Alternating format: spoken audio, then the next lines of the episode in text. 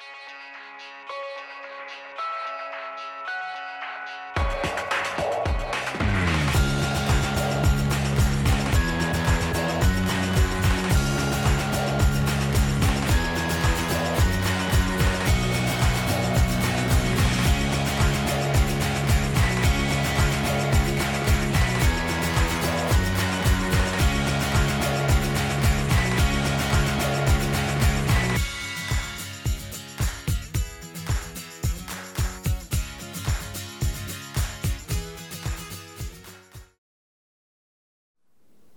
Välkomna tillbaka.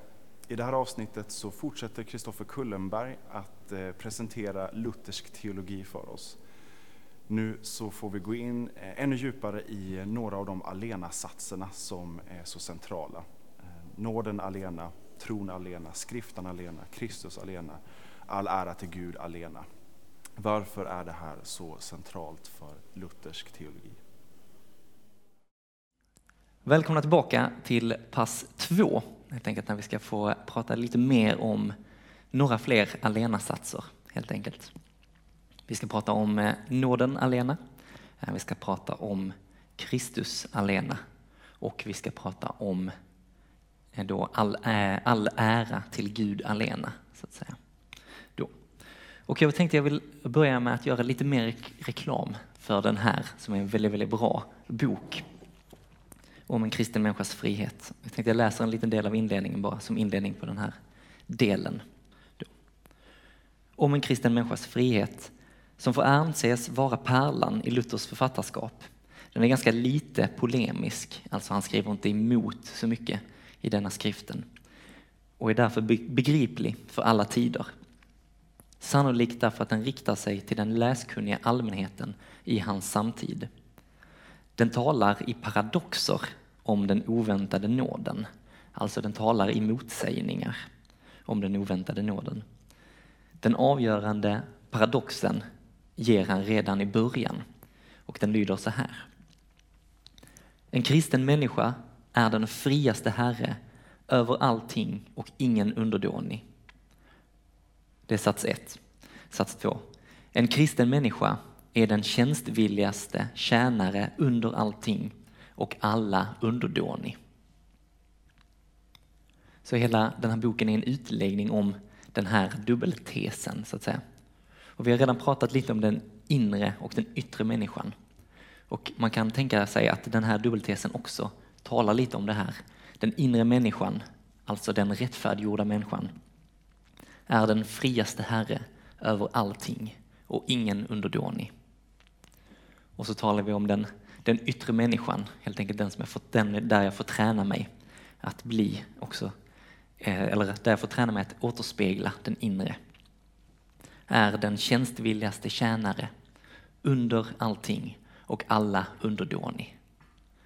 Så på grund av att jag är rättfärdiggjord, på grund av att jag inte är eh, underdånig någon, så får jag lov att göra mig underdånig jag får lov att gå ner liksom och betjäna andra för att jag redan är herre överallt så att säga, i Jesus Kristus.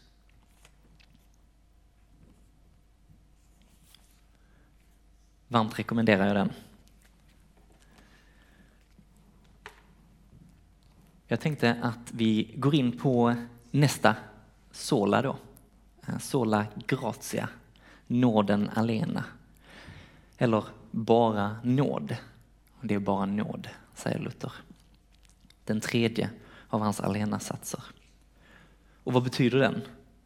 Jo, det betyder att, igen, det betyder inte på något sätt att jag, det betyder att jag gör ingenting för att förtjäna detta. Det handlar inte om mig. Det handlar inte om mig. Det beror inte på mig. Det är bara Guds nåd. Det är bara Guds nåd som gör det såväl min tro som min rättfärdighet, båda de delarna, är gåvor från Gud.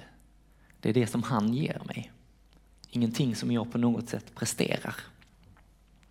Både min tro och min rättfärdighet är gåvor. Det är bara nåd. Och det här är ett gott budskap, verkligen. Att det är bara nåd. Har någon sett en film där man ber om nåd någon gång. Det skulle kunna vara en eh, gladiatorfilm. Det skulle kunna vara en medeltida riddarfilm. Där tänker jag de vanligaste sammanhangen där någon kanske ber om nåd. Jag för min del tycker väldigt mycket om filmen Gladiator med Russell Crowe. Han har så tufft namn. Eh, och det handlar då om en gladiator helt enkelt.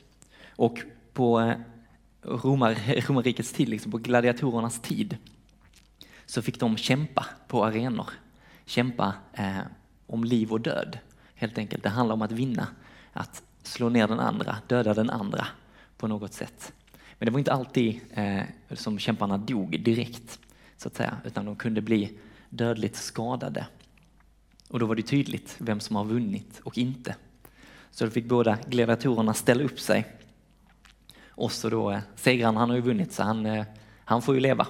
Eh, den här andra personen får be, möjligen be om nåd om den fortfarande lever. Han ber om att få bli frisläppt ändå. Det han säger då är att ja, men jag har förlorat. Jag har förlorat den här striden. Du har makt över mig. Du har rätt att döda mig i den situationen jag är nu. Men jag ber dig att släppa det. Jag ber dig att låta mig gå härifrån som om jag har vunnit. Trots att jag har förlorat och ligger ner och är dödligt skadad så ber jag att du behandlar mig som om jag har vunnit. Så kan man se då hur, eh, hur eh, kejsaren står där uppe och så sätter han upp tummen i vädret och så antingen så får man en tumme ner, eh, då fick du inte nåd helt enkelt. Eller så får du en tumme upp. Du fick nåd, wow, vad gött. Då är det sköna att Gud ger alla tummen upp helt enkelt. Så att du behöver inte, behöver inte känna dig orolig att du får en tumme ner helt enkelt. Så trots att jag har förlorat striden, trots att jag har förlorat, trots att du har rätt att slå ner mig, så ber jag dig, gör inte det, utan behandla mig som om jag har vunnit. Ordet nåd betyder gratis. Det är det vi ser i det latinska, gratia. Det är det vi har vårt ord gratis ifrån. Om någon visar mig nåd så har jag per definition, alltså då har jag inte förtjänat det. För om jag har förtjänat det, då kan jag inte få nåd. Då kan jag inte få det gratis, helt enkelt. Så per definition så måste det vara oförtjänt, helt enkelt. Och det igen, då kan man tänka bilden från gladiatorarenan. Så här, den som har förlorat förtjänar ju inte det. Den har ju inte presterat bra. Den har ju presterat undermåligt i någon mån. Jag lyckades inte slå den andra med svärdet. Jag gjorde inte min roll. Tough luck. Så när vi talar då om min tro eller att min rättfärdighet är Guds nåd så innebär det att det är något som jag får av Gud utan att förtjäna det. Jag förtjänar inte det. Jag får det gratis av honom. Man kan jämföra det lite med att jobba. Det funkar ungefär på samma sätt. För varför jobbar vi? Varför har vi arbeten? Jo, för att tjäna pengar. Jag går och presterar någonting på min arbetsplats. Min arbetsgivare bestämmer vad jag ska göra. Säger åt mig, det här får du göra, detta är det du ska prestera. Och så förväntar jag mig att i den 25, på den 25 i månaden då, eh, så får jag min lön. Då får jag igen det som jag har presterat för. Och får jag ingen lön den 25, då blir jag lite arg. Eh, det hände mig här nu om månaden, så fick jag mejla min arbetsgivare och säga hallå, jag fick ju inte lön för min prestation. För jag har ju förtjänat detta. Jag har ju jobbat mig till detta, jag har ju rätt till detta, du ska ge mig det. Så att säga. Det är det kravet kan ställa på min arbetsgivare när jag har presterat en hel månad. Men om min arbetsgivare visar mig nåd, om min arbetsgivare skulle göra det, då skulle det vara som att han betalar ut min månadslön trots att jag inte har dykt upp på hela månaden. Jag har inte gjort någonting av det som han har skrivit på min arbetsbeskrivning. Jag har inte gjort någonting, jag har misskött mig otroligt mycket så att säga. Men jag får ändå min lön. Och han säger det är okej, okay. du får det ändå Jag kommer inte kräva tillbaka någonting av dig. Då har han visat mig nåd. Jag bara får det. Gud är den som ensam räddar. Ingenting av vår räddning ligger på oss. Och för att använda då lutherskt språk så säger man att vi är syndare som blir rättfärdiggjorda av nåd. Vi är som de här soldaterna, de här gladiatorerna i striden som har förlorat. Men vi får gå, vi får gå därifrån som om vi har vunnit. Det är stort. Man hade blivit galet glad om ens arbetsgivare hört av sig att nu tänkte jag att jag ska ge dig en månadslön bara för att du är du. För att jag gillar dig. Du har inte presterat någonting, men jag vill ge dig en månadslön. Hur glad hade man blivit? Jag hade blivit superglad. Eh, nu har jag tjänat jag jättemycket på mitt, eh, mitt jobb för tillfället, men eh, jag hade ändå blivit glad. Så att säga. För att det hade ju varit gratis. Det hade ju inte varit något jag räknar med. Utan jag får det bara av nåd. Och varför är det så här? Varför gör Gud så här? Varför visar han oss nåd? Jo, för att Gud älskar oss så mycket. Han vill ge oss både tro och rättfärdighet eftersom vi kan inte nå det själva. Det går inte. Om man tar liknelsen igen till en jobbsituation. Det är som om min arbetsgivare skulle ge mig en arbetsbeskrivning som inte är möjlig. Det går inte att göra detta. Så idag ska du åka och bestiga Mount Everest och sen på eftermiddagen så ska du servera mig kaffe här i Sverige. Och sen så tänkte jag att du innan du slutar jobba så kan du väl åka bort till Kina och köpa en ny telefon till mig. Tänkte jag. Och så kan du leverera den. Sen kan du få gå hem. Gärna innan klockan fyra ska det här vara klart. Det är inte möjligt. Kan jag ju då avslöja för den som undrar. Det är inte möjligt. Och så här är det på något sätt i vår relation till Gud. Om vi skulle försöka förtjäna vår rättfärdighet. Den här ribban som vi redan har pratat om, den ligger så högt att det är som att få en sån arbetsbeskrivning av sin chef. Det här är inte möjligt. Du kräver för mycket. Det är inte möjligt. Därför behöver också Gud visa oss nåd. Så att vi har den här arbetsbeskrivningen som Gud då ger oss på något sätt. Och vi vet att den är rätt, den är god, det är bra. Liksom. Det Gud kräver av oss, det är bara goda grejer. Men jag klarar inte av det för att det är för mycket. Trots att det är gott.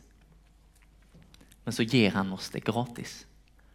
Du får lönen helt fritt. Som om du åkte till Mount Everest och besteg den. Serverade kaffe till din chef och sen åkte och köpte en ny telefon till honom och kan gå hem innan klockan fyra.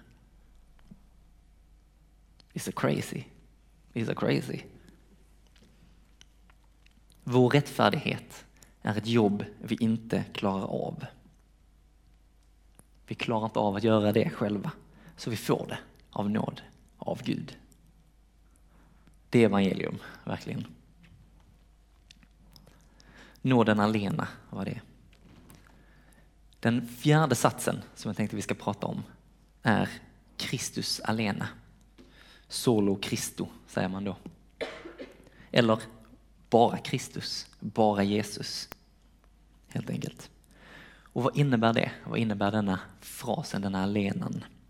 Jo, den innebär att Jesus är den enda medlaren som vi behöver mellan oss och Gud. Han är den enda medlaren. Det behövs ingen annan mellan oss och Gud. Vi behöver inga mellanhänder förutom Jesus. Det behövs inga präster. Jag pluggar ändå till att bli präst, men jag behövs inte. Det behövs inga präster. Det behövs ingen påve. Det behövs inga kungar. Det behövs inga helgon. Det behövs inga makter på något sätt. Det är bara Jesus som behövs i vår relation till Gud för att kunna nå honom som medlare för oss. Ibland så kan vi luras att tro att ja, men, präster eller heliga människor eh, står närmare Gud än vad vi själva gör.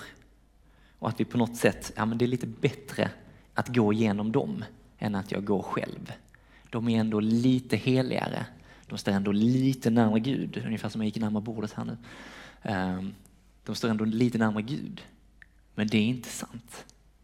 För inför Gud så är vi alla lika, för att vi har Jesus Kristus som medlare. Vi behöver alla det.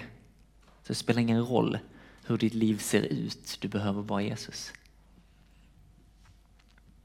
De här heliga människorna, de här prästerna, de kanske kan mer om Gud. De kanske har läst mer. De kanske kan lära oss saker. De kan vara förebilder för oss på olika sätt. Men vi behöver inte dem. För vi har Jesus. Det är hela poängen där med bara Kristus. Den lutherska tanken är denna att vi är alla präster. Vi är alla ett enda stort prästerskap. Och då pratar man inom luthersk tro om det allmänna prästadömet. Som innebär det att så fort du är döpt så är du också en präst i någon mening. Liksom. Då får du lov att göra tjänst inför Gud. Så vi är alla präster. Vi kan alla egentligen göra allt prästerligt, om ni förstår vad jag menar.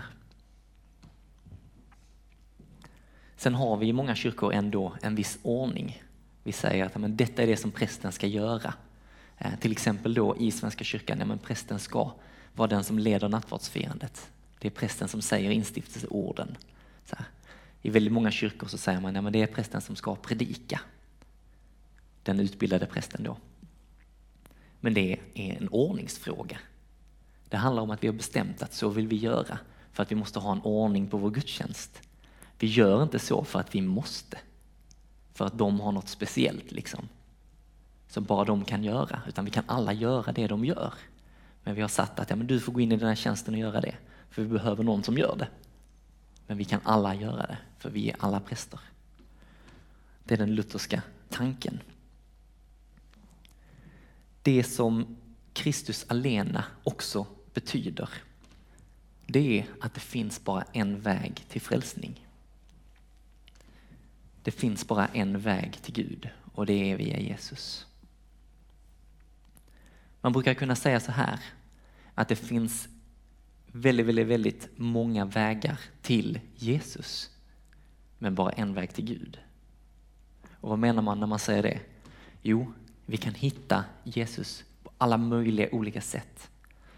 Man har, jag har hört om människor som har mött Jesus i drömmar. Han kommer direkt till dem och så får de ett möte med Jesus. Det finns de som har växt upp i kyrkan, vattar där hela sina liv. Eh, och så till sist så blir det som att de får grepp på vem Jesus är.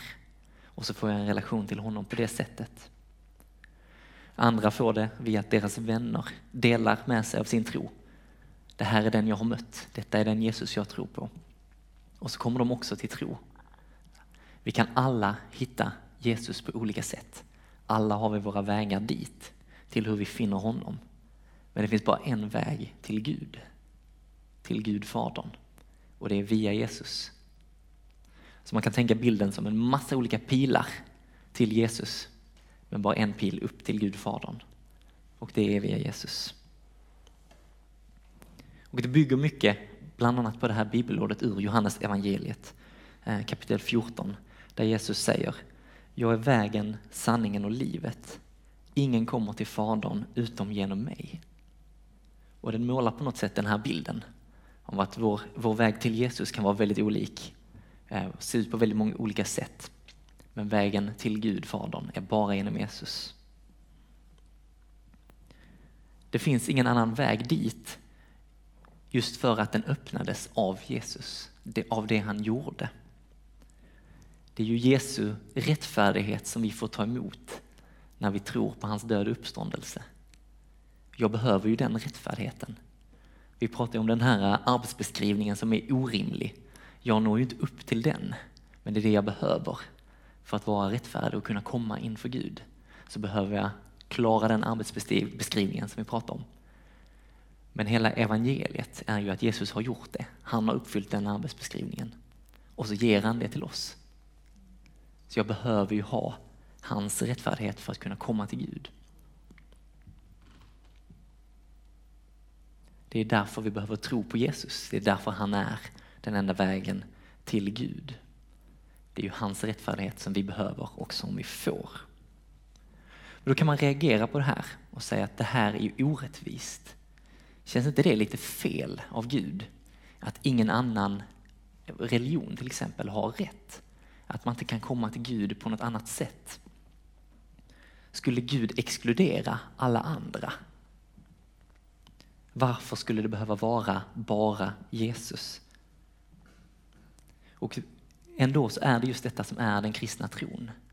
Att det är bara genom Jesus. För att just för att jag behöver hans rättfärdighet. Jag behöver få den som en gåva för att kunna komma till Gud. Och Gud kan inte släta över, han kan inte ta bort den här arbetsbeskrivningen. Det går emot den han är.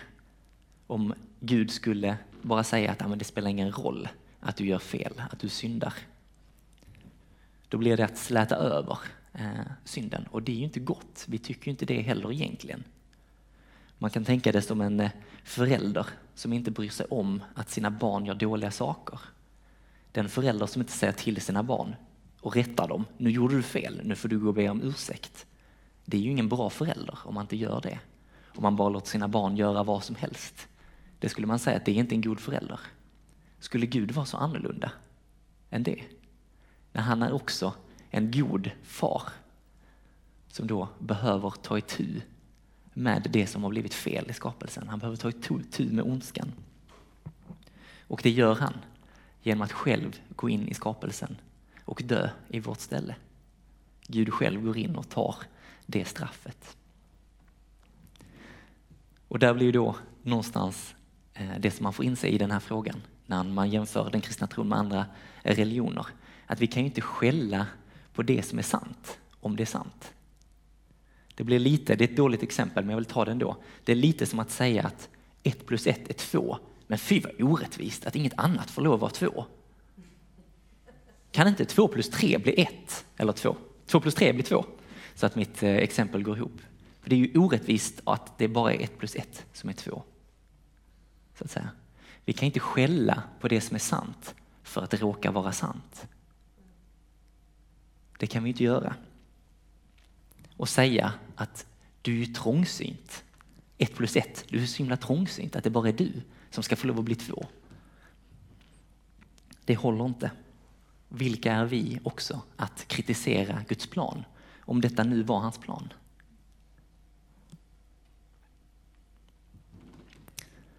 Den sista eh, allenan, är ära till Gud alena. Soli Deo Gloria. Äran bara till Gud. Och precis som det låter så handlar det om att all ära ska ges till Gud och ingen annan. Det är bara Gud som förtjänar äran. Vår räddning, vår frälsning är bara hans verk. Det är det detta det betyder. Det är bara hans verk och hans vilja. Jag kan inte ta någon ära för det. Ingen annan kan ta någon ära för det heller.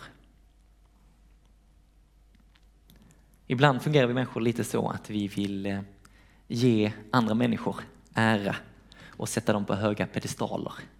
Eh, och bara ja, men tänka att ja, men de har en speciell ställning gentemot Gud. Det här är heliga människor på något sätt. Det skulle kunna vara helgon. Det skulle kunna vara påvar eller präster eller vilka vi nu ser som höga människor. Liksom. Så vi tänker att de här är värda att ge ära. Men det ska vi inte göra, menar Luther. Inte i den meningen när vi pratar inför Gud. Då ska vi inte ge någon annan någon ära. Det finns ingen hierarki i vår ställning mellan oss människor. Det finns ingen hierarki mellan oss människor när det kommer till vår relation gentemot Gud. Där är vi alla lika. Vissa människor kanske vi tycker är lite godare än andra. Eller lite mer lyckade. Eller lite mer fantastiska, så att säga. Men vi ska inte ge dem ära för det, i den meningen. Utan allt är Guds verk, också i deras liv. Det är han som har räddat dem lika mycket. Och det är han som driver dem att göra goda gärningar. Det är inte de själva. Utan det är Gud som gör det i dem. Egentligen gäller det även när vi är duktiga på grejer. När vi har talanger. Så kan vi tänka att den här människan är så fantastiskt duktig på det här. Det kan gälla tron, det kan gälla allt möjligt. Och så sätter vi dem på pedestaler för det och ärar dem för det. Men även där är det egentligen Gud som ska ha äran. För ytterst sett så är det ju han som har skapat dem, säger den kristna tron. Ytterst sett så är det hans verk. Det är han som har gett dem gåvor. Det är han som har gett dem talanger. Han har format dem. Det finns en liten berättelse som jag tänkte jag ville använda i den här, eh, den här alenan också. Och det är att det är en professor som kommer inför Gud. Och så säger han eh, till Gud då att ja, men nu har vi kommit på hur man ska göra människor. Vi behöver inte dig längre Gud. Vi är till och med snabbare än dig på att göra människor. Så jag tänkte att nu vill jag utmana dig Gud, säger den här professorn då. Jag tänkte vi ska göra en liten tävling, se vem som kan göra en människa snabbast.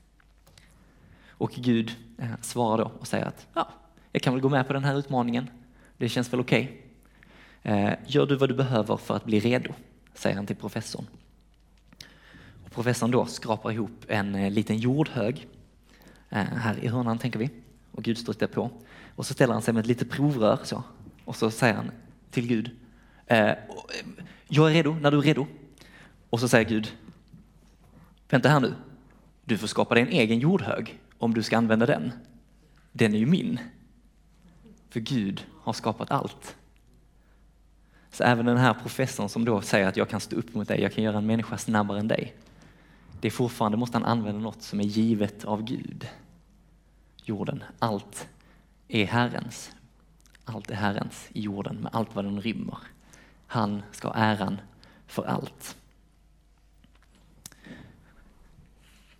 Jag ska läsa en passage till ur den här, för då ser man ju bildad ut som vi redan har, eh, har fastslagit. Sidan 21.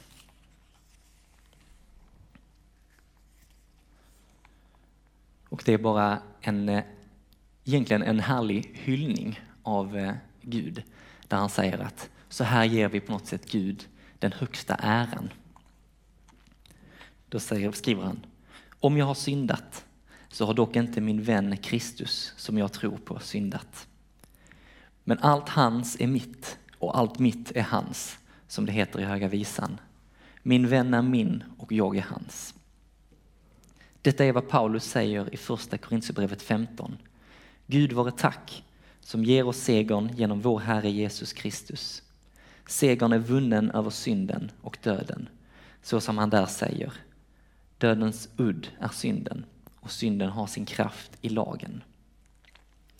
Härav förstår du varför man tillskriver tron en så stor förtjänst, att den ensam fullbordar lagen och rättfärdiggör utan några gärningar alls. Ty du ser att det första budet, där det heter en Gud ska du dyrka eller ära, uppfylls endast av tro. Även om du själv var idel goda gärningar, alltså även om du bara var goda gärningar, från gässan till fotabjället, så var du dock inte rättfärdig. Inte heller dyrkade du Gud eller ärade Gud eller uppfyllde det första budet. Eftersom man inte kan dyrka Gud utan att tillerkänna honom sanningens och all godhets härlighet vilket man ju med rätt bör tillerkänna honom. Så det han säger här är att tron genom tron och genom att det är helt Guds gåva, det är ju så vi ärar Gud. Det är ju så vi gör, ger honom äran, han som ska ha den helt och fullt. Genom att säga, men det är ju bara du. Det är ju bara genom dig. Då tillskriver vi honom det högsta, det absolut mesta. då får han den äran som han ska ha. Det är det som han skriver helt enkelt där.